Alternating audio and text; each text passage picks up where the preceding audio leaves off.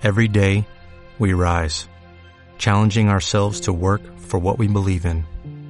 At U.S. Border Patrol, protecting our borders is more than a job, it's a calling.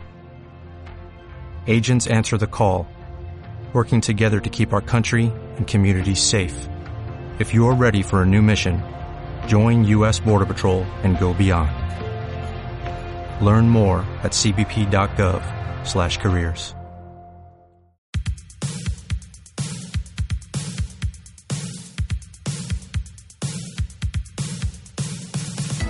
Amics, amigues, què tal, com esteu? Sigueu molt benvinguts a una nova edició de Preferències aquí a la sintonia de Ràdio 4. Aquí us parla Josep Maria Carrasco i els divendres el Preferències esdevé el Preferències per la tele. El millor informatiu de com funciona la tele, de què és el que ve, què és el que no ve, quines raons hi ha perquè una cosa funcioni, quines raons hi ha perquè no funcioni. Som l'oracle de la televisió. El dia que se n'adonin, ens contracten a totes les teles. Manel Ferrer, què tal, com estàs? Hola, què tal? Molt bona nit. Molt bé. I a més, avui parlarem, eh, intentarem fusionar tots els mitjans de comunicació, que seria ràdio, televisió i internet, Mhm. perquè parlarem amb una periodista de Mataró Audiovisual, que és una de les televisions que tenim aquí a Catalunya, que és Transmèdia, i treballen des d'una redacció integrada. Veurem què vol dir tot això, Transmèdia, com una redacció integrada, com treballen i com és la gent eh, que hi és allà. Però també tindrem temps de parlar amb el periodista i crític de televisió Álvaro Roldán. Ens vol parlar de Todo es mentira, el programa de sobre taules de 4. Mhm. Està donant els resultats esperats o caldria també reformular-lo, com parlàvem la setmana passada, de lo siguiente? Ai, Ho comentarem. quatre i les tardes, eh? 4 i les tardes, que dilluns també comença nova etapa, també parlarem amb l'Adrià Rodríguez,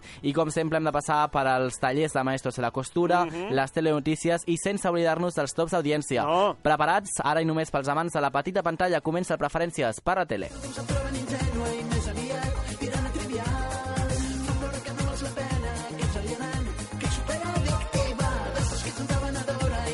Adrià, jo et volia preguntar, a què et sona una redacció integrada, que és la paraula aquesta que hem llançat al principi? Una redacció integrada, doncs, on es fa de tot. On es fa de tot, no? És com multitarea, multitasking, Sí. no? Podríem dir. També es pot dir low cost, eh? Low cost, exacte, també és una manera de reduir costos. I li preguntarem. Ho preguntarem, a veure Clar. si també és una mesura low cost en els temps que corren. Uh, any 2019, escolta'm, uh, ho dèiem ara, 4 comença el dilluns una nova etapa. Nova etapa. Això és com un ultimàtum, realment, no? Per anéssim Perquè cop, si no s'ha de reinventar de nou 4. Ja ho està fent, és Ho això. està fent, clar, a veure com funciona, no? Aquesta posada a punt, doncs anem a comentar-ho a les telenotícies.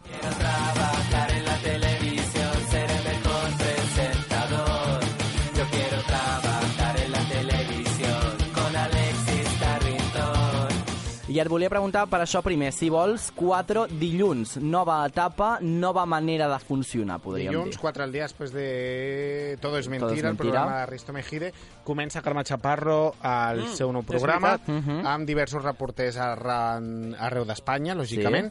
Comencen a aquesta hora fins a que comenci el Ben a cenar. Mhm. A més, faran com un abans, que al final seran com els informatius de 25 minuts eh, després del programa d'Ani Martínez sobre les do, dues de la tarda. Clar, i l'hem de pagar bé a Carme Chaparró, eh? perquè estarà tot el dia per allà donant voltes per 4, que tindrà Pels també platos. un copresentador Sí. i els reporters que tenen un protagonisme molt especial perquè de fet a les promos surten cadascun dels reporters, surt el nom, és a dir, que també juguen un paper Sí, els bàsic. hi, donen, els hi volen donar certa importància i hi ha un per zona, per zona. d'alguna manera. Ah, cauran en l'error de ser un Espanya directo? No, jo crec que no. No? Una cosa diferent? No. Veurem uh, com és aquest nou programa i sense marxar de Mediaset, La Isla de les Tentaciones. Què és això? Ui, Un nou programa, un Confianza Ciega, Sí? quatre parelles, Uf, a ui, una ui, ui. illa en sèrio. Adrià? Sí. Es diu així el títol?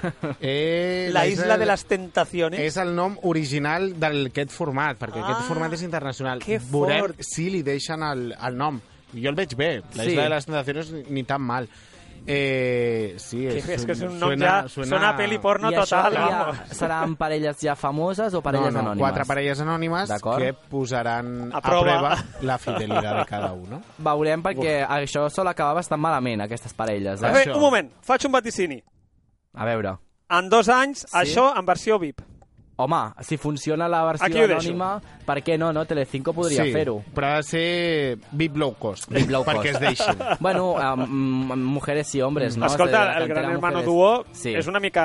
Sí. És, és una mica això. Jo crec Una que és la versió miqueta. mujeres i hombres, els hi pagues 4 duros i els tens a, a la illa o en tu et dongui la gana tenir-los. Veurem a, a l'espera de uh, quan comença i com és aquesta producció. I la voz sènior ja té els Mare seus coach confirmats. Sí, té els coaches i els seus assessors per les batalles. Llavors, Paulina Rubio tindrà Antonio Carmona com a assessor, Pablo López a David Bustamante, Mare de Déu. Això el sènior? El sènior. Sí, Antonio Orozco tindrà com a assessor a José Mercé i David Bisbal tindrà Tomatito. A mi, perdona. És a dir, és que han Però anat a aquests buscar... no són els de la voz, ja normal. Sí, és que Sí. repeteixen. Repeteixen. Ah, vale, Però, clar, vale. Eh, José Merced, Tomatito... Una mica flamenco, no? Quan tingui algú cantant rap amb Clar, 70 no el anys... voldran.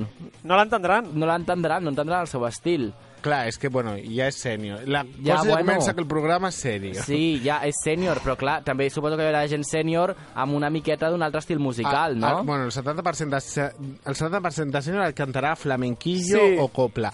Per què? Perquè a certa edat, doncs... És el que vam veure. El, los gorgoritos funcionen molt millor, també, Clar, perquè, clar, clar, clar, jo no... Jo Clar, la versió sènior la veig més a Canal Sur.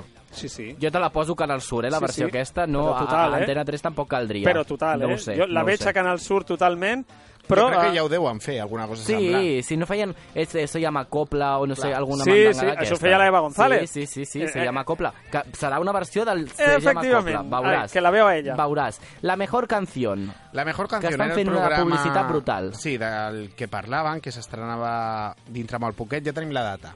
Quan? Divendres vinent. Divendres a la nit dels vinent. divendres, ara que acabarà tu cara més suena, i tenim les dades de la primera gala que serà dedicada a los años 80. És a dir, no aniran per ordre, pel que veiem.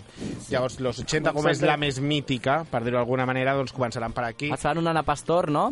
El- Aquells Ai, meravellosos sí. anys que aniran agafant l'any que millor els hi vingui. Perfecte. I són set gales, en principi, més En la principi. final. Mhm. Llavors tenim la mejor canción jamás cantada, Agata Ruiz de la Prada, primera jurat. Ah, convidada, no?, que aniran Exacte. rotant cada setmana. Vicky Larraz serà convidada, que Olé! representa... Molt bé, aquí Vicky Larraz. molt bé, molt bé, Vicky I Larraz. els concursants d'aquesta primera gala, perquè van canviant, tindrem Alfred García, Ana Guerra, Ana Mena, Bebe, Carlos Marco, De Vicio, El Canca, Falete, Funambulista, Maria Villar i Roy. Això que seran com les gales aquestes de Telepassió, no?, de televisió Sí, espanyola, però això t'anava a dir, fan programa. versions, tots sí, fan sí, sí. versions. Clar, Versionen sí, no, cançons, clar, sí, versionen sí. cançons. Es busca la cançó que ja existeixi, clar. Veig que tiren molt de la tira d'Operació Triunfo, Sí. eh? Veurem, bueno, esperem que els hi També vagi tindrem bé el divendres humor que ve. amb David Amor. Ah, que estarà també en aquest especial? Molt a, bé. a quin canal es fa això? Televisió A Espanyola, Televisió a la U, que està de jurat Toni Aguilar, no? I Noemí Galera. Galera. I després tenim a Roberto Leal de presentador. Sí. Aquest és una mica el tàndem Bueno, que és Operació Triunfo, el que, el que sí. acabem de dir, tu em dius, quin programa estic definint? Toni Aguilar, eh, Noemí Galera, presentador Roberto Leal i Alfred García, Exacte. el meu poble és Operació Triunfo. Operació Triunfo VIP. Tu cara més suena aquesta mateixa nit la final. Per sí, fi. finalistes finals són Soraya Mimi, Carlos Baute, Maria Villalón i Jordi Coy, són els que es, És a dir, es dos cantants juguen- menys Jordi Coy que és actor, no? Tots Sí, són cantants. sí, sí, sí. Molt bé. Ja està Mimi bé. és més ballarina. Mimi és més ballarina, però bueno, en aquest cas a mi ho ha fet, ho ha fet bastant bé dins Sí. de Tu cara més suena. Al final no entres bastant en el, en el joc a veure qui és el que acaba guanyant. Tindrem de convidats Manuel Carrasco, Sílvia Abril i Yolanda Ramos. Que això és una garantia sempre, eh? Tenir Sí. Yolanda Ramos Sí. i Sílvia Abril ja et soluciona Va sol, la això va sol, eh? Escolta, Madrid, Fórmula TV assegura que Televisió Espanyola ja treballa no té? Sí, bueno, ho ha confirmat la pròpia televisió espanyola, no?, per dir-ho d'alguna manera. Clar, és, és, és molt relatiu, perquè diuen, per a la pròxima temporada haurà OT. Llavors la gent diu, quan comença la, la pr- pròxima temporada? Al setembre del 2019 19. Clar, i acaba el juny del 2020. clar pot ser Sí, 2020. Pot començar al setembre o a l'abril Ah, de clar, l'any o al vinent. gener, clar, del Clar, 2020 sí, també, sí, també. Sí, sí. Veurem No a repetiran quina la data eh? No es repetiran repetirà. la Jo crec que ho deixaran respirar una mica. Si són intel·ligents, Sí. ho deixaran respirar perquè aquesta edició tampoc l'esperàvem Ah, bueno, ni arribar. També et dic, en aquest cas, l'any passat necessitàvem oblidar Mhm. perquè eren concursants potents. En aquest cas no necessitem oblidar res. Ah, bueno, perquè no hi ha res per oblidar, no? Clar. la destral d'Adrià, a preferències per la tele. Exacte. Netflix estrena sèries. Eh, moltes, moltes produccions noves de, a Espanya, lògicament, Ah. que és el que ens interessa. Dies de Navidad serà una minissèrie de Pau Freixas, on diverses germanes tindran doncs, un, com una espècie d'història per pa Nadal, lògicament. El vecino de Nacho Vigalondo també es convertirà en forma de sèrie. El desorden que deja és un altre dels creadors d'Elite, la podrem veure a Netflix. Valeria, que és d'una escritora en crisi, que no sé si l'heu vist alguna vegada, perquè són diversos llibres, també es convertirà en sèrie. Memòries d'Indun serà la primera producció en anime, que és Sí. aquest tipus de còmic, ho veurem també Sí. aquesta versió espanyola, i Les xiques del cable tornaran, Paquita Salas, Elite, Altamar...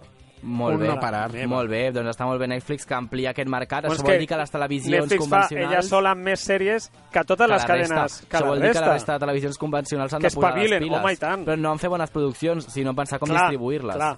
Han de fer pel·lícules, acabo de llegir, perquè tenen la mateixa obligació que té Mediaset i A3 Media a contribuir con la Mm, cultura la- a l'ecosistema, clar. Que amb el- Mediaset i A3 Media fan pel·lícules perquè els obliga el govern. I no tant, perquè els i tant, perquè han de, "Vinga". subvencio- han de pagar un- una part del pressupost que tenen l'han de destinar Sí, a cultura. és per llei. Tots, eh? O sigui, TV3, Televisió Espanyola, llei, Canal sí, sí. Sur, tots. Per això quan veus una pel·li al cine posa con la participació de TV3, Telecinco, Antena 3, Que no ho tal, entens, tal, i tal. perquè s'han I ficat- perquè han pagat tantes, tan tantes teles aquesta pel·li que després la veuen quatre persones. sí, doncs sí. perquè estan obligats a invertir en, en cultura. Això també, si no ho sabíeu, doncs ja ho sabeu. Un dia en podem parlar també, si Sí, voleu, de per què les teles han de pagar aquest tipus. Adrià, tenim alguna notícia més per acabar les D'ultimíssima telenotícies? hora? D'ultimíssima hora. Doncs més notícies no tinc, però sí que et vull dir que Què vols és, dir? a, jo crec que arriben canvis aviat, A on? a 4. A 4? Sí. Més canvis encara? Més canvis. Carai. El canvi del canvi. El canvi del El canvi... canvi del, ca- o estrenes molt imminents.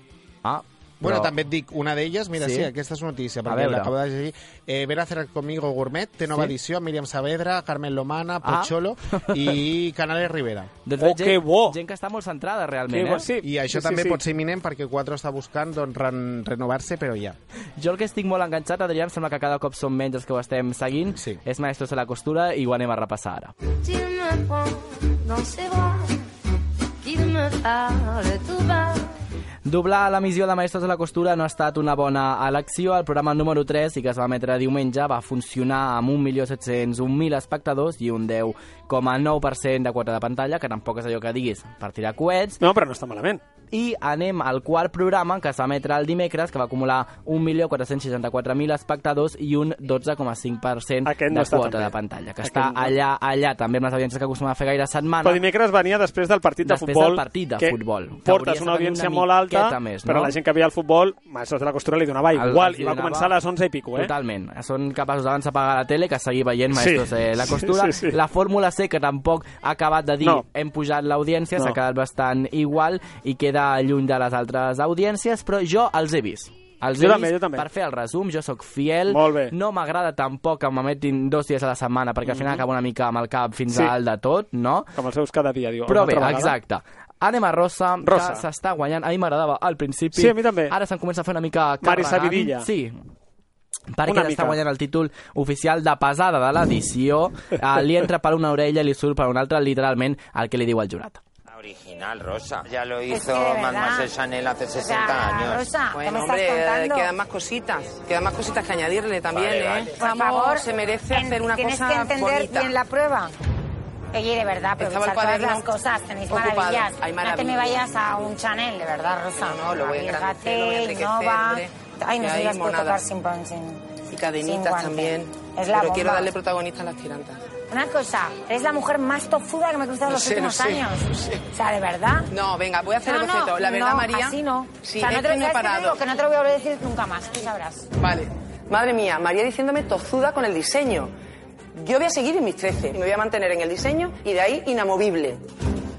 Per A això veure. estàs a un, un programa per aprendre, no? Clar, i és que el que jo estic dient, en plan, em, que, em penso que d'aquí inamovible, ja, però és que la persona que jutja si marxes o et quedes són aquesta gent que t'estan donant ordres. Sí. Per tant, tu pots ser molt xula, però fins a cert punt, no? A mi em fa gràcia, eh? El He què? venit aquí, Rosa? soy inamovible. Sí, sí, és que ella realment és una de Ah, les vale. millors, perquè Sí, sí, sí. és bona, costurista És bona, i de és més, bona. però clar, li diuen una cosa i no fa cas perquè ella té la seva línia No, jo crec que aquesta actitud li passarà li factura, passarà eh? factura, perquè arribarà un moment que el jurat haurà de decidir i se la carregaran. És així, És, és a dir, així. que a vegades has de ser una mica més honesta i quan més amb gent... I això que va es venir, juga el teu va venir futur, la eh? Nenuco en Sí. aquesta edició. I Eduardo. I Eduardo, i va venir suave, suave, eh? Va, sí, sí. Però suave, de eh? com era ell Buf, realment. que ell era també, des que jo lo algo así, Sí, i jo- que i- Capril era como, pero tú lo, pero ¿qué me estás Sí, diciendo? sí. Y va a venir com, bueno, bueno. I aquesta setmana van afegir una innovació que jo la deixaria per totes les setmanes perquè van anar Rosy de Palma i Lores León de convidades i van decidir fer de comentaristes VIP de tot el que Sí. anava passant als tallers Sí. i jo és algo que agraeixo. Mira, escolta. Que luego me dicen. Habla mucho esta. Amparito, no hables tanto y monta. Es que te dicen con razón, Amparito, es que ya. Que te querían defienda la yo fama otra y otros cosa. la lana. Madre que me parió. ¿Qué ha pasado? ¿Qué ha pasado, Tony? ¿Qué ha pasado? ¿Qué ha pasado? Que, lo hemos puesto, que lo he puesto mal, que lo he puesto mal. Ahí hay un problema gordo, mira. Hay un Está problema al bien cielo. gordo. Hemos puesto uno del derecho y otro del revés, tío. La ha montado al revés. No puede ser. Ponle el otro al revés, eso calla. Y ahora ponlo cara con cara, eso es. Ho agraeixo jo, aquests T'omplen comentaris. t'omplen eh? el programa. T'omplen el programa Aquestes sense fer dues, res. vamos, jo Sí, sí. demano un Masterchef amb elles VIP. Sí, sí, sí. És una mica com Anabel Alonso i Viviana Fernández les que fan els retales. comentaris les retales, doncs aquesta versió però a més de la costura jo ho compro totalment mentre es van fent perquè sol ser una part bastant avorrida perquè com no t'ensenyen res i Sí. vas veient com un entre altre, doncs uns comentaris entre mig ho agraeixes Sí, al final. una, no una està mena de més. narració És com esportiva. la iaia, no? Exacte. diu, Està cosiendo más. Exacte. La iaia que sap... Sí, sí. Ho està fent- León allá lo y està a haciendo del Rossi. Revés. O- Esta habla mucho. O la esta gent que mira les obres, que Sí. li diu als, a la gent que està treballant amb fer? una grua de 40.000 tones, Sí, sí. un poquito a la derecha, Exacte. no? Com ho ha de fer, no? Com si no sapigués la persona en concret, que clar, tampoc sabem realment si Loles León No. té uns coneixements molt amplis del tema, però No. s'agraeix cadascun dels seus comentaris i s'ha aixecat ja la trampa, hem aixecat ja la tapa, hem obert la tapa, hem vist la mentida i els membres del jurat han descobert que Pedro no fa autènticament res dins del programa. Necesita los dos cinturillas. Ese es de la parte ¿Y qué tal lo llevas, Pedro? cinturilla.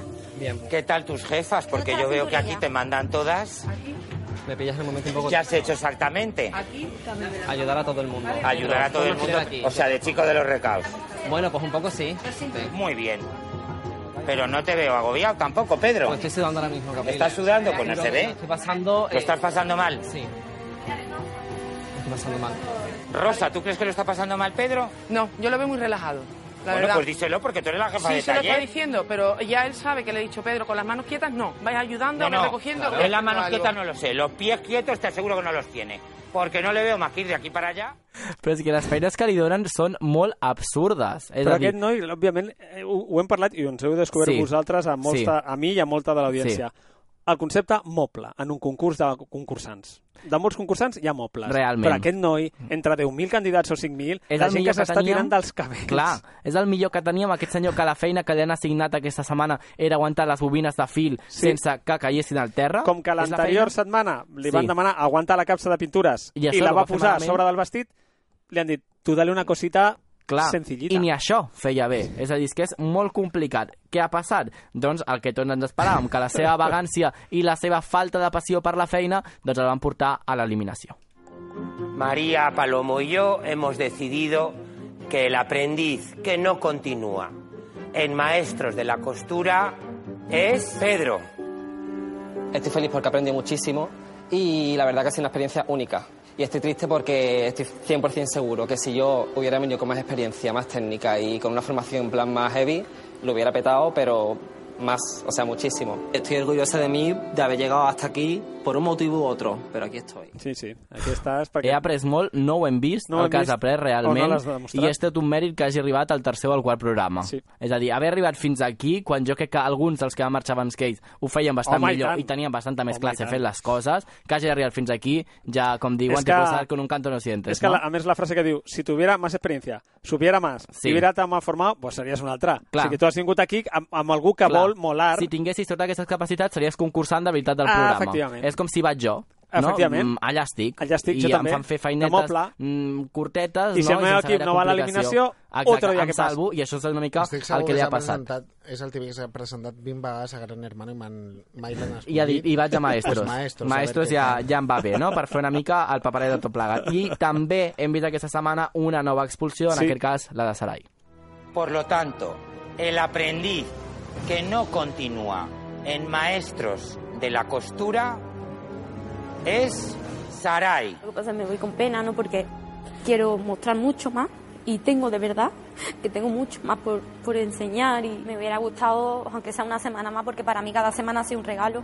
Y yo soy una persona que, que me ha costado valorarme, y aunque me veáis así y tal, muy tal, pero para mí ha sido muy importante.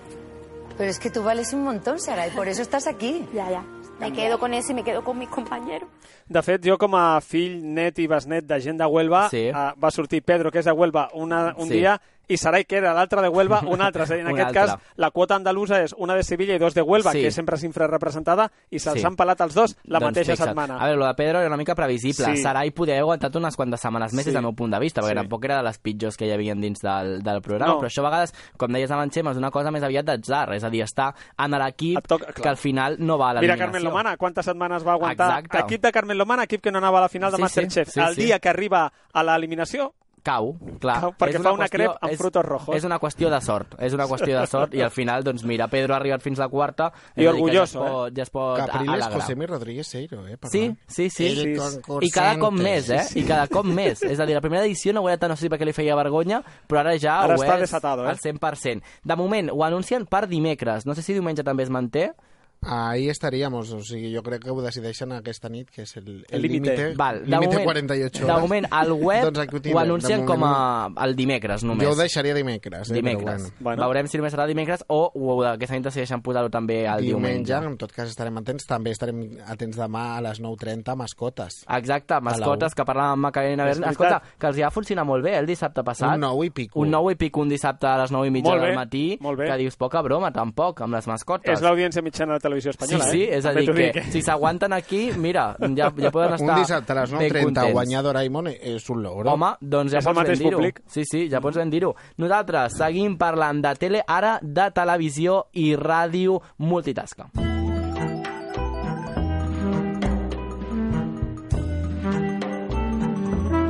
Ho parlàvem al començar el programa d'avui, una redacció integrada, contingut transmèdia, paraules que amb l'Adrià ja ens arriscàvem a desxifrar, Adrià. Sí. Ja podíem saber-ho, però avui volem que ens ho expliqui algú que hi treballa i per això eh, tenim ja amb nosaltres a Laura Cera, periodista de Mataró Audiovisual. Laura, què tal? Bona nit. Hola, bona nit, com esteu? Hem definit aquests conceptes al principi, és a dir, un mitjà que fa de tot, és a dir, que fa ràdio, tele i internet. És el que feu realment a Mataró Audiovisual? És el que fem, sí, des de fa coses d'un any i mig, quan Mhm. vam fusionar la tele i la ràdio públiques de Mataró, Mhm. i la idea era aquesta, era el que tu dius, fer, crear un mitjà que fos transmèdia, que es pogués adaptar a una mica a la nova manera de consumir la comunicació, Mhm. i a més era un repte perquè era fer-ho en clau local. Clar, el que et volia preguntar primer de tot, el, el dubte que es crea molta gent és a dir, com feu ràdio que sigui atractiva per la gent que veu per la tele i com feu tele que sigui atractiva per la gent que us escolta per la ràdio? Això és una afirmació molt arriscada perquè realment no sé si és prou, prou atractiu el que fem o no, eh? Mhm. Nosaltres, en el nostre cas, el que vam fer va ser adaptar uns estudis de ràdio. Mhm. Un d'ells, que és el- l'estudi principal, l'estudi Plató, que li diem, té quatre càmeres a les parets i als sostres, Mhm. i això fa que els dos magazins que tenim als matins, en aquest Sí. cas, es puguin també emetre per televisió. Per tant, és una mica passar ràdio per tele, cosa que altres mitjans hem vist durant aquests últims anys que feien, Mhm. i el, el repte que deia al principi, en aquest sentit, era aquest. Fer que fos atractiu, com tu deies, fent que hi hagués part de vídeo que no es veiés cutre, si em permet l'expressió, perquè és molt fàcil caure aquí, Mhm, no? mhm. I has de pensar moltes coses. Laura, el programa que tu fas per la tarda, que fem per les tardes, a l'Ona Maresma, s'emet per la ràdio, però tu sí que en moments concrets de la setmana sí que mm, combines els dos mitjans, és a dir, ràdio i televisió en diferents espais eh, que fas. Quines són les premisses que us demanen per fer aquestes seccions? És a dir, us demanen, per exemple, que mireu a càmera en un moment donat, eh, us demanen que sigueu molt expressius a l'hora de dir les coses perquè la gent per la ràdio també ho entongui. Maquillatge. Exacte, maquillatge, perruqueria, vestuari, és a dir, quines són les premisses que teniu a l'hora de treballar? Sí, mira, de fet, em fa molta gràcia que diguis això del maquillatge, Mhm. Adrià, perquè el tema de la perruqueria, maquillatge, roba, això ho hem hagut d'explotar i això els que veníem de ràdio és que ens ha vingut de nou, però és que de zero, eh, completament, Mhm. perquè no estàvem gens acostumats. Els que venien de la televisió pública de Mataró ja ho tenien molt Coll avall. mamat, no? Mhm. Exacte. Però sí, sí, hi ha les persones, els periodistes de la casa que fan un programa diari o setmanal de televisió, que s'emet per televisió i per ràdio, Mhm. simultàniament, passen per perruqueria, passen per maquillatge o s'ho fan ells sols, perquè evidentment els recursos que tenim Clar. al món de la comunicació local no són els mateixos que a nivell autonòmic o nacional, Mhm. i la roba ens la cedeixen en diversos establiments d'aquí de, de la ciutat. Mhm. I a banda d'aquestes premisses, el que dèieu de mirar càmera, doncs evidentment, clar, per molt que el programa dels matins, el Mirador, que és el nostre magazín, es passi, sigui ràdio per, passada per tele, com dèiem Mhm. abans, evidentment la, la presentadora ha de mirar càmera per dirigir-se als espectadors perquè si no queda super raro. Mhm. Abans Com de passar, passa, no? Exacte, abans de passar el torn també a la resta de companys, Laura, uh, fa poques setmanes uh, veu fer unes proves, unes convocatòries uh, doncs per gent que entrava a treballar amb vosaltres al vostre equip i els explicava abans de començar que són unes proves 360 perquè els hi fa fent proves de tot, és a dir, de so, d'edició, de tele, de ràdio, de redacció, és a dir, els posen a prova en els diferents aspectes que treballeu. Sí, això és una cosa que no sé fins a quin punt és positiva i no sé jo qui ho ha de dir en tot cas, no? Mhm. però sí que és cert que per bé o per mal eh, aquests últims anys estem veient que els periodistes o la gent que ens dediquem al món de la comunicació Mhm. se'ns demana que sapiguem fer de tot, no? que sapiguem tocar moltes tecles. En aquest cas, en aquestes proves, potser va ser una mica massa, Sí. perquè evidentment hi ha situacions en què tu no estaràs mai sol, o no Ja. hauries d'estar mai sol, com per exemple fer un stand-up Mhm. mirant a càmera. Però era una mica, suposo, per veure com es desenvolupava Les capacitats, cadascú. no?, que tenia cadascú. Exacte, Mhm, amb què veníem de casa, no?, com si diguéssim. Mhm. I és aquesta idea del periodista polivalent que sap una mica de tot, potser no domina grans coses tècniques, o sí, perquè avui dia ja mai se sap, Mhm. però sí que se'ns demana una mica, doncs, des de saber fer servir una càmera fins a saber muntar una peça de vídeo que acaba sent molt diferent, muntar-la per tele que per ràdio, Clar, no? clar. Sí, els llenguatges són prou diferents. Aquí a Radio Televisió Espanyola, durant, durant un temps es va intentar fer aquesta integració de les dues redaccions, és a dir, que, que es poguessin utilitzar peces per la tele, eh, per la ràdio, és a dir, no era tant posar una càmera als estudis, sinó intentar que un mateix redactor pogués assumir per les dues, i es va veure que era impossible, en el sentit literal, és a dir, que si tu estàs filmant una roda de premsa, no estàs pensant en com editar la notícia per després treure uh, la, L'MP3, el tall, no? sí, per, per la ràdio o, o com sigui, però a mi el que em sembla interessant del que ens està explicant avui la Laura Cera de Mataró Audiovisual és precisament que en molts casos les, les televisions i els mitjans locals que han estat l'escola de tots els que després hem, hem anat a, a mitjans més grans, com és el, el nostre cas, em sembla que està molt bé perquè no sempre es dona que un mitjà petit fa coses que no fan els grans. Habitualment és a l'inrevés, és a dir, els mitjans petits tenen els, el, doncs, els recursos que tenen i en aquest cas el que esteu fent vosaltres apunta una tendència que és, jo crec que absolutament imparable, que és aquesta fusió de continguts on al final un youtuber no deixa de ser algú parlant-li a un micròfon que podia ser una ràdio, on hi ha podcast que també s'ho fan a YouTube, és a dir, que en aquest sentit sí que el que esteu fent és estar segons com, molt més al capdavant de per on anirà el periodisme que moltes grans empreses, no? No, clar, tens tota la raó. És a dir, aquí els més joves que arriben sí que saben potser tocar més coses, no?, que les que sabíem nosaltres fa 10 anys quan vam començar Clar. en aquest món. Però és impressionant, jo crec, pels becaris que tenim, per exemple, o pels nanos que Mhm. venen a fer pràctiques o que venen a l'estiu a oferir-se a donar suport, arriben i flipen, literalment. Clar. Diuen, uau, puc fer ràdio, puc fer tele, puc fer web, puc fer xarxes, puc fer de tot, Mhm. i és un aprenentatge impressionant. I això que deies dels llenguatges abans em sembla superinteressant perquè realment és molt difícil. Sí.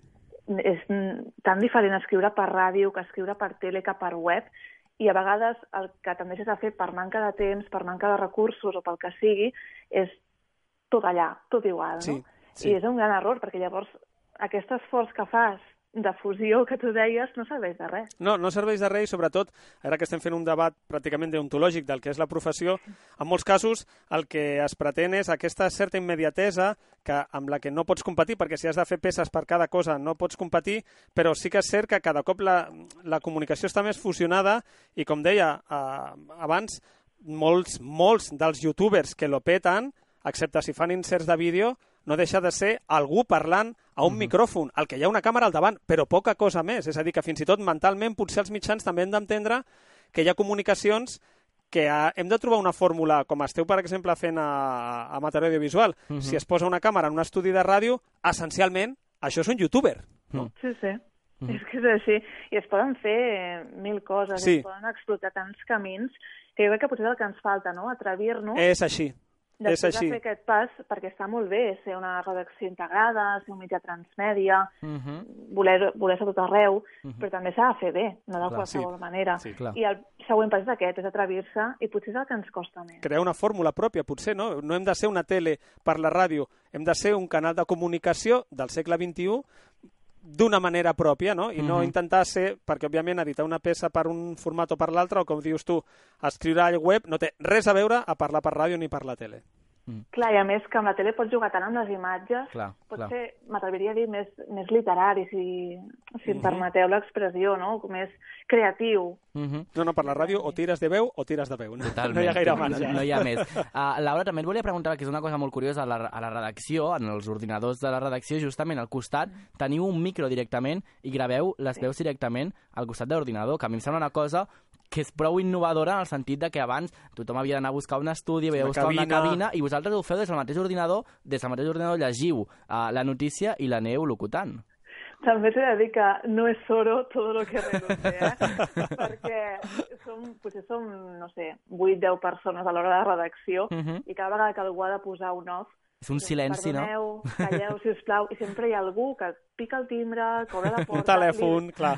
Clar, l'ideal seria, per anar bé, que tots anéssim a la cabina que tenim Ja, per ja, gravar. ja. Però l'haver-se de desplaçar, pujar escales, no sé què, Mhm. acabes fent-ho allà per comoditat i per rapidesa Mhm. i queda bé, eh? Queda bé, però a vegades és més engorrós que... Mhm.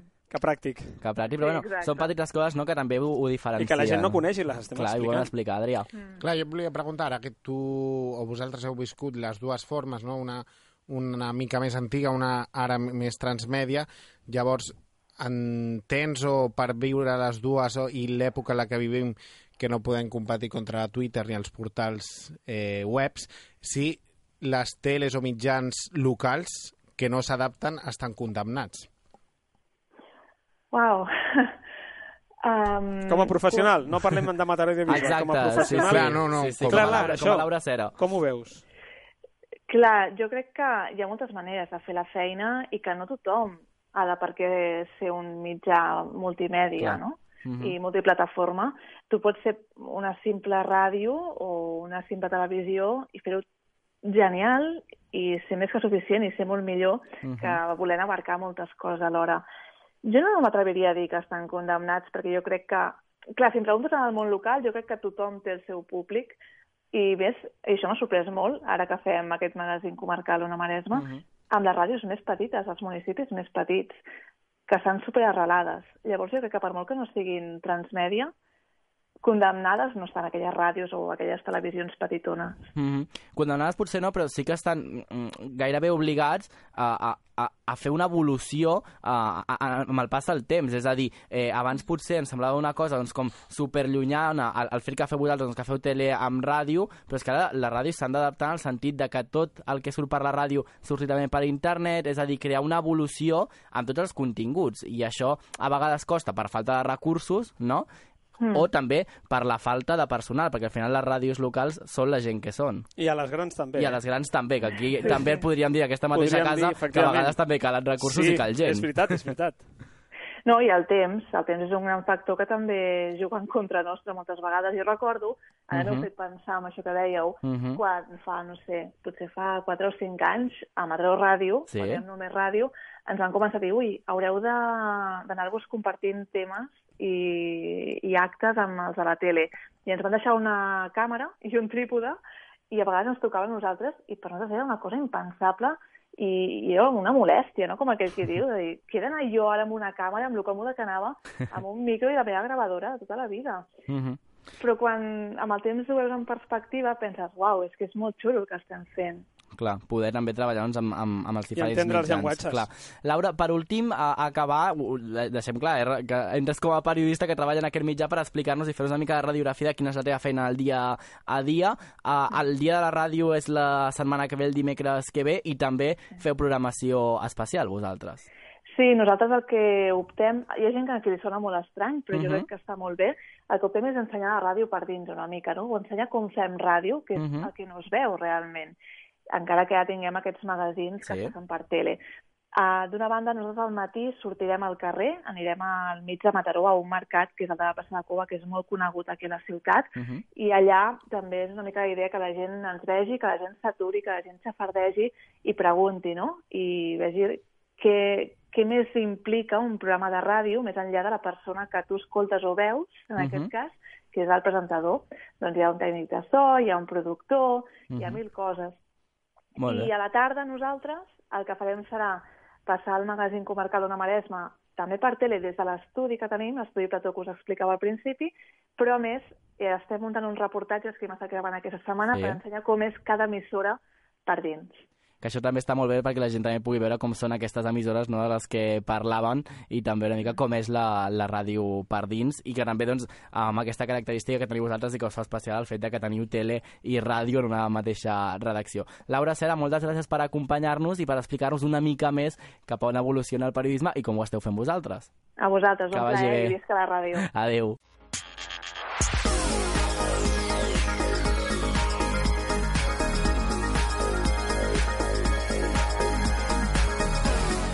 Ja hem parlat en altres ocasions de Todo es Mentira, el programa de les sobretables a 4, i que presenta Risto Mejide. Vàrem explicar que va tenir un inici bastant fluix, però ha seguit així o ha remuntat. Ho comentem amb Álvaro Roldán, periodista y crític de televisió. Álvaro, buenas noches. Hola, muy buenas noches. ¿Cómo le está yendo a Todo es Mentira? Pues de momento está estable, como dirían los médicos de los pacientes. Es- eh, Estable nunca es tampoco para tirar cohetes. Exacto. ¿Estable para bien o estable para Eso mal? es. Eh, estable desde que empezó mal. Vale, vale, ¿Y crees que hay opción de que pueda remontar en algún momento? Pues mira, eh, creo que esta nueva, va- como van a usar el efecto hamaca con este programa para el nuevo programa de Carmen Chaparro. ¿Qué has dicho? ¿El efecto qué? Hamaca. ¿Qué es No. el efecto hamaca? El efecto hamaca es el- una estrategia televisiva que utilizan en programación en televisión para que eh, un programa nuevo que entienden que, eh, que quieren lanzar al público eh, y tenga efecto, ¿Sí? antes usan otro que ya es conocido. Vale. Vale. Es decir, aprovechan un poco la audiencia del otro, ¿no? Para hacer funcionar al, al siguiente. Efectivamente, porque en esta franja recordemos que Cuatro la tenía un poco nicho con las series, con la ficción extranjera, y desde que llega Risto con un programa en directo, con un programa de entretenimiento, bueno, o, o noticiero, como se quiera llamar este programa, eh, ahora eh, alargará esa audiencia al de Carmen Chaparro. Claro. Eh, eh, imagino que así subirá un poquito más la audiencia.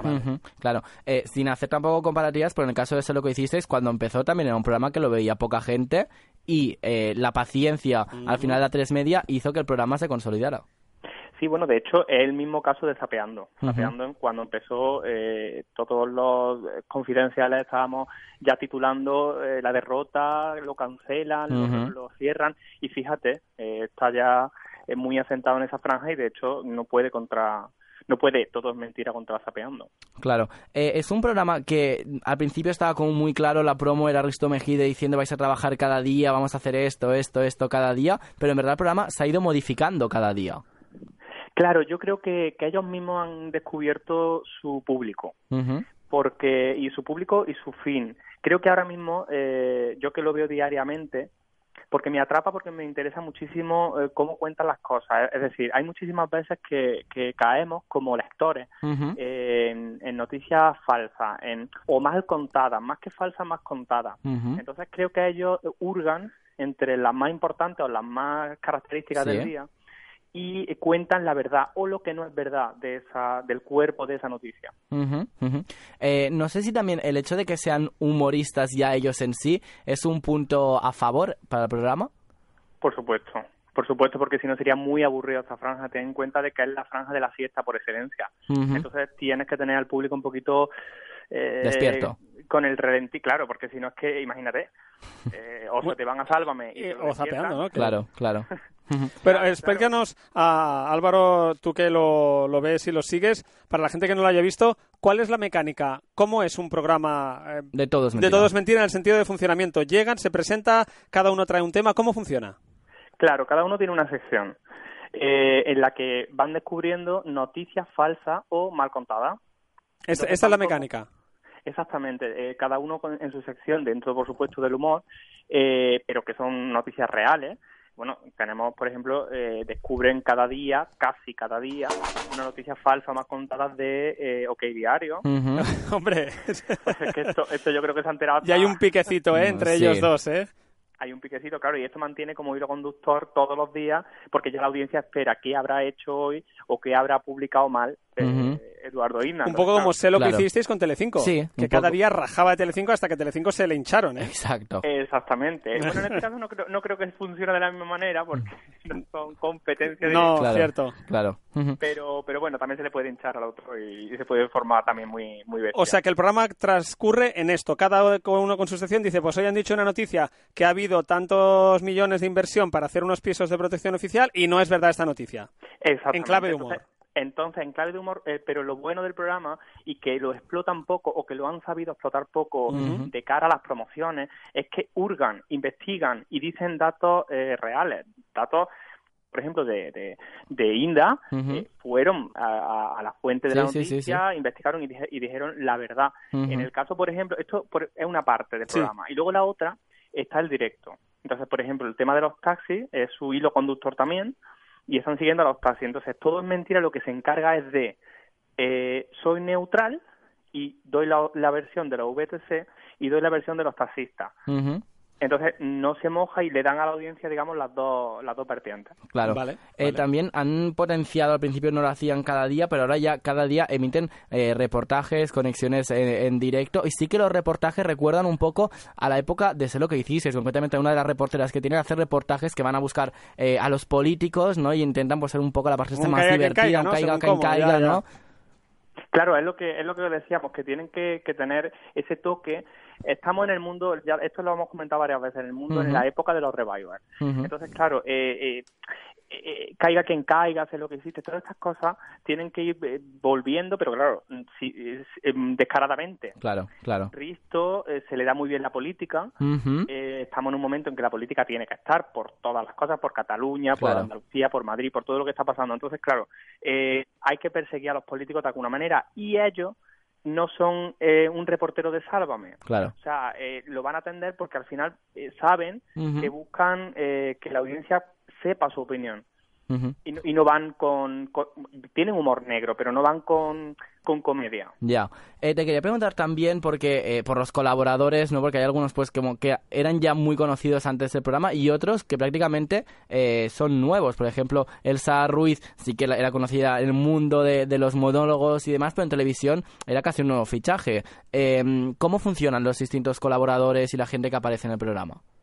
A diferencia de Sapeando, yo como crítico de televisión, como espectador de la tele, debo reconocer que básicamente solamente conocía a Risto. Ujú. Eh, va- eh, a grandes rasgos, ¿no? El resto, pues bueno, te sonaban de algunos otros programas, recordabas que habían salido en otros sitios, pero eh, lo bueno que tiene, a diferencia de Sapeando, es que no son estrellitas.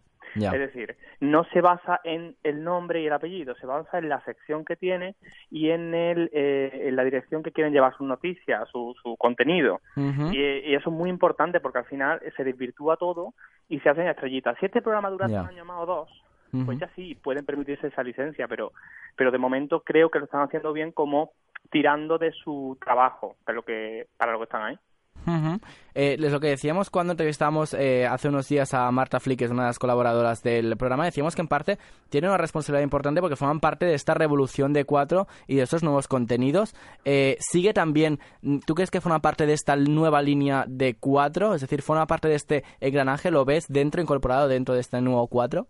No entiendo a lo que te refieres. Bueno, No, es decir, que si el programa, en esta nueva dinámica que van a coger, si el programa puede encajar con el programa de Carmen Chaparro, que van a ir casi de la mano, mujeres y hombres, es decir, un poco, eh, ¿cuál es la Se radiografía apunta, que ¿no? queda La de línea cuatro? futura de cuatro este programa. ¿Lo ves en, un- en el posible cambio que tiene que hacer cuatro? Sí o sí.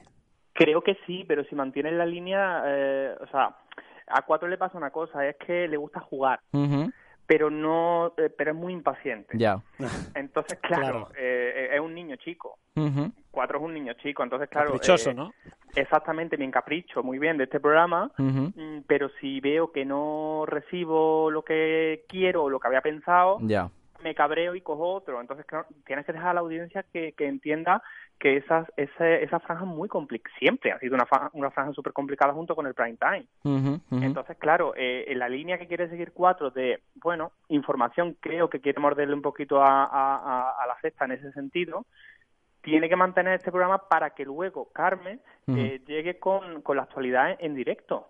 Porque va a competir no solamente con, con, con noticieros de, de, de cadenas gener- generalistas, también tiene autonómicas, que es muy importante y tiene mucho peso. Claro, sí, a claro, veces se nos olvida, ¿no? Todo este papel. Álvaro, ah, lo que también es interesante, o, o por lo menos parece que tiene que ser un elemento clave del todo es mentira, es esta vinculación con la actualidad, que no sé si al tener cada día un tema que asumen más o menos en directo, deja un poco margen, si es un tema que evidentemente es el tema del día, no dejarán mucho margen a Karma Chaparro si después quiere hacer un tratamiento informativo. No, porque mira, ya lo están haciendo. Eh, si os fijáis, si, si veis algún, algún programa al azar, eh, tratan temas que son de actualidad, pero Sí. que, no, no- que no son el tema del día, como bien has dicho. Vale. Es decir, eh, cuando esté Carmen, a lo mejor no le dan tantísimo peso a, no sé, me, me invento, los taxistas. Sí, eso es. Pero eh, quizá hay otras noticias de importancia o que todo todas las peluquerías hablan, todas las mesas de, de, de restaurante hablan, todos hablamos por la calle, pero sin embargo no lo recoge Vale, más popular. Ya. Exactamente. Entonces eh, van a noticias a lo mejor que eh, hay que también eh, tener en cuenta, pero sin embargo ya le darán más peso a, a Carmen. Pero bueno, también pasa como en la sexta. Eh, puede ampliar la temática, si en el caso de los taxis como, como un tema importante, sí se puede ampliar mucho más información, más puntos de, de información. Vale, vale, vale, no, no, el, el debate es interesante porque si cuatro quiere ser la sexta, o dejamos o no nos pisamos, porque está muy claro que al rojo vivo luego da paso al humor. Y aquí Claro. es al revés. El humor, de alguna manera, da paso a un programa que va a ser como más serio. Entonces, a ver cómo es este cambio, creo que es más fácil ver con humor, después de haber aguantado el rojo vivo, con todas las conexiones y, y ahí con toda la tensión casi deportiva que le da el presentador, el Ferreras. Pero claro, en este caso es primero hacemos un análisis un poco más distendido y luego llega Karma Chaparro, no sé si con ultra seriedad, a ver cómo es el programa, pero que el cambio va a ser al revés, de, de humor a seriedad, ¿no? Yo creo que, que cuatro no quiere ser la sexta en ese sentido. Ah, vale. Creo que cuatro eh, lo que está intentando es arañar público de donde no los tiene él. Es decir, eh, a grandes rasgos realmente a mí me recuerda muchísimo todo es mentira un poco al intermedio. Realmente sería Ajá. un poco sería un poco eh, El esa- intermedio de sobremesa. Exactamente, entonces claro, como es el, el intermedio, pero en la sobremesa, exactamente. Entonces, claro, luego van a una actualidad que es mm, sin humor, es la que es, es un- una Sí, sí, noticia lo en crudo. directo. Exacto. Entonces, esto se va a ver muy claro si aguantan ambos programas en las elecciones de, de Madrid. Sí. Mm. Porque claro, es, van a ser conexiones, van a ser, eh, imagino, especiales como hace eh, García Ferrera. Deberían, claro, si, si, si están con la actualidad, si cuatro quiere ser la que era, la de la de Javier Ruiz, la de Cintora, sí. eh, esa, esa cuatro, que es la que creo yo se sospecha que quieren recuperar, mm, porque ese, ese nicho lo han dejado Sí. ellos. Y ahora con Noticias 4 muchísimo más. Entonces, Claro. creo que tienen que estar en la actualidad, pero la han hecho a la inversa, efectivamente. Eh, te quería preguntar, antes de dejarte ir, eh, hemos hecho alusión durante un rato al programa de Carmen Chaparro que empieza el lunes 4 al día. ¿Cómo pronosticas tú el inicio de este programa o cómo crees que irá? Bueno, creo que va a seguir la misma línea de, de todo es mentira. En principio tendrá datos muy pequeñitos, muy débiles, porque tienen que buscar al público. Eh, ten en cuenta que el público de cuatro en verdad es como Telecinco. Claro. es el de Sálvame. Entonces hay que arrastrar un poquito eh, ese marido mm, que deja de dejar a la señora eh, ver eh, a Mila peleándose con Belén Esteban, ahora quiere saber qué está pasando Claro. en la guerra de taxis. Claro. Entonces, claro, eh, ahí hay que verlo, pero claro, como está también más vale tarde, eh, esos públicos son también diferentes. Cuidado. Claro. Aunque parezcan los mismos cuatro y la sexta tiene diferentes públicos. Ujú. Entonces creo yo que ahí va a haber, yo va a tener una subida. Al principio va, va, va, va a costar que se asiente, porque claro, es una franja que ha tenido, tiene serie. Ujú, ujú. Entonces hasta que se asiente, de- no, no sabemos todavía la mecánica, entendemos que será como más vale tarde, como Andalucía Directo, como tele, o sea, llevará esta mecánica. Claro, es que también supongo que como durante un tiempo 4 no ha estado como definido del todo No, eh, como canal, iba un poco eh, siguiendo un poco Telecinco, ¿no? Es decir, funcionaban con las mismas eh, caras, los mismos rostros, incluso también aparecían en 4 en otro tipo de programas, pero también de la factoría de Telecinco, y por ejemplo comparándolo con Antena 3 y La Sexta, cada cual tiene su espacio, ¿no? Y sí que ves a veces a alguien de La Sexta que sale en Antena 3, Sí, sí, pero sí. son cosas puntuales, Muy y en el mundo. Mediaset durante mucho tiempo ha sido lo mismo, y Es ahora el programa el subidón cuando haya una noticia de importante Claro, calado. por el Claro. seguimiento. Igual. Caso Soles le ha venido para despegar el caso Julen. Sí, sí, sí. Yo creo que en este caso, eh, eh, eh, cuatro al día, que es como Ujú. se llamará el programa, Sí. eh, va a tirar muchísimo de caras conocidas. Y pero va a, ti- va a tirar más al reportaje, porque Adela Ucar, o sea, son varias varias caras que se han dedicado a pues callejeros, a una serie de reportajes que no son ma- tan en directo, porque recordemos que Cuatro ya tuvo en esta franja eh, este tipo de, de, de noticiero, este sí. tipo de espacio, y no funcionaron. Estuvieron en el tiempo, pero no funcionaron, pero no eran así. Claro. O sea, eran caras poco conocidas, po- eh, caras que, que eran poco televisivas, por así decirlo, y ahora sí, sí lo son. Carmen tiene muchísimo tirón, eh, y Adela, y muchísimos de los que van a estar. Vamos a ver cómo funciona. A Álvaro, muchísimas gracias y te llamamos aquí unos días también para ver cómo sigue Cuatro en esta nueva etapa. Estupendo, que gracias vaya bien, gracias.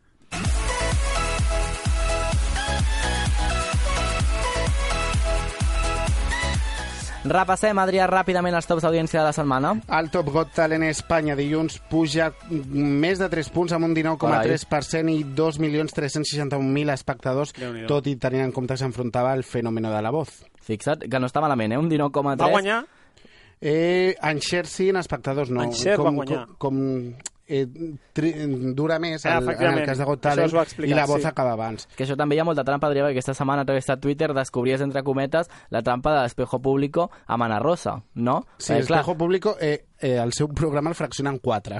Llavors, clar, Fan el el, el dato de que mejor sale és el que agafen. És, és el que agafen. Clar.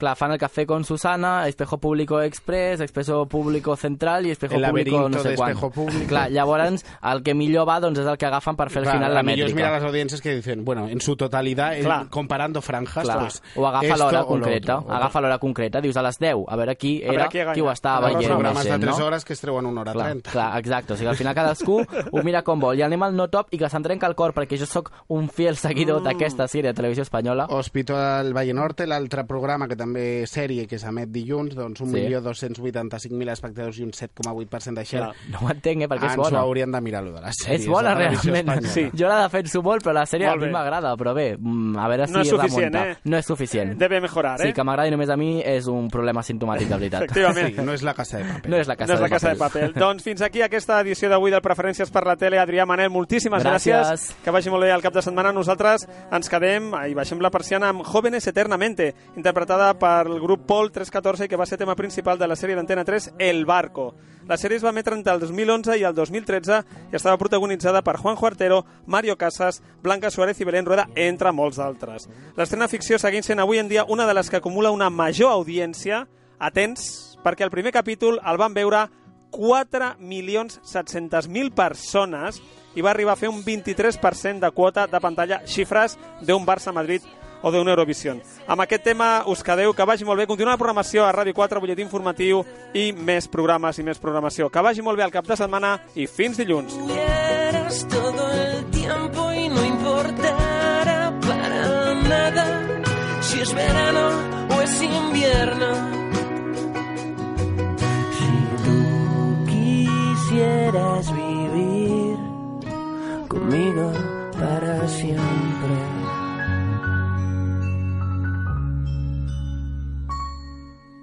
Entonces tú serías diferente del resto de la gente. Si me siento derrotado, tú me haces más fuerte.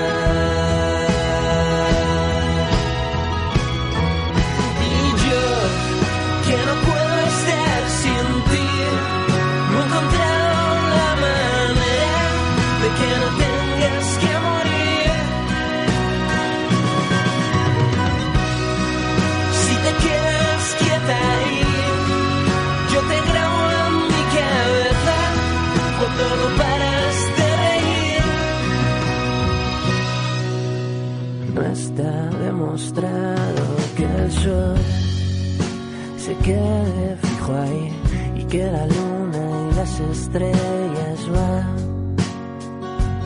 y en esta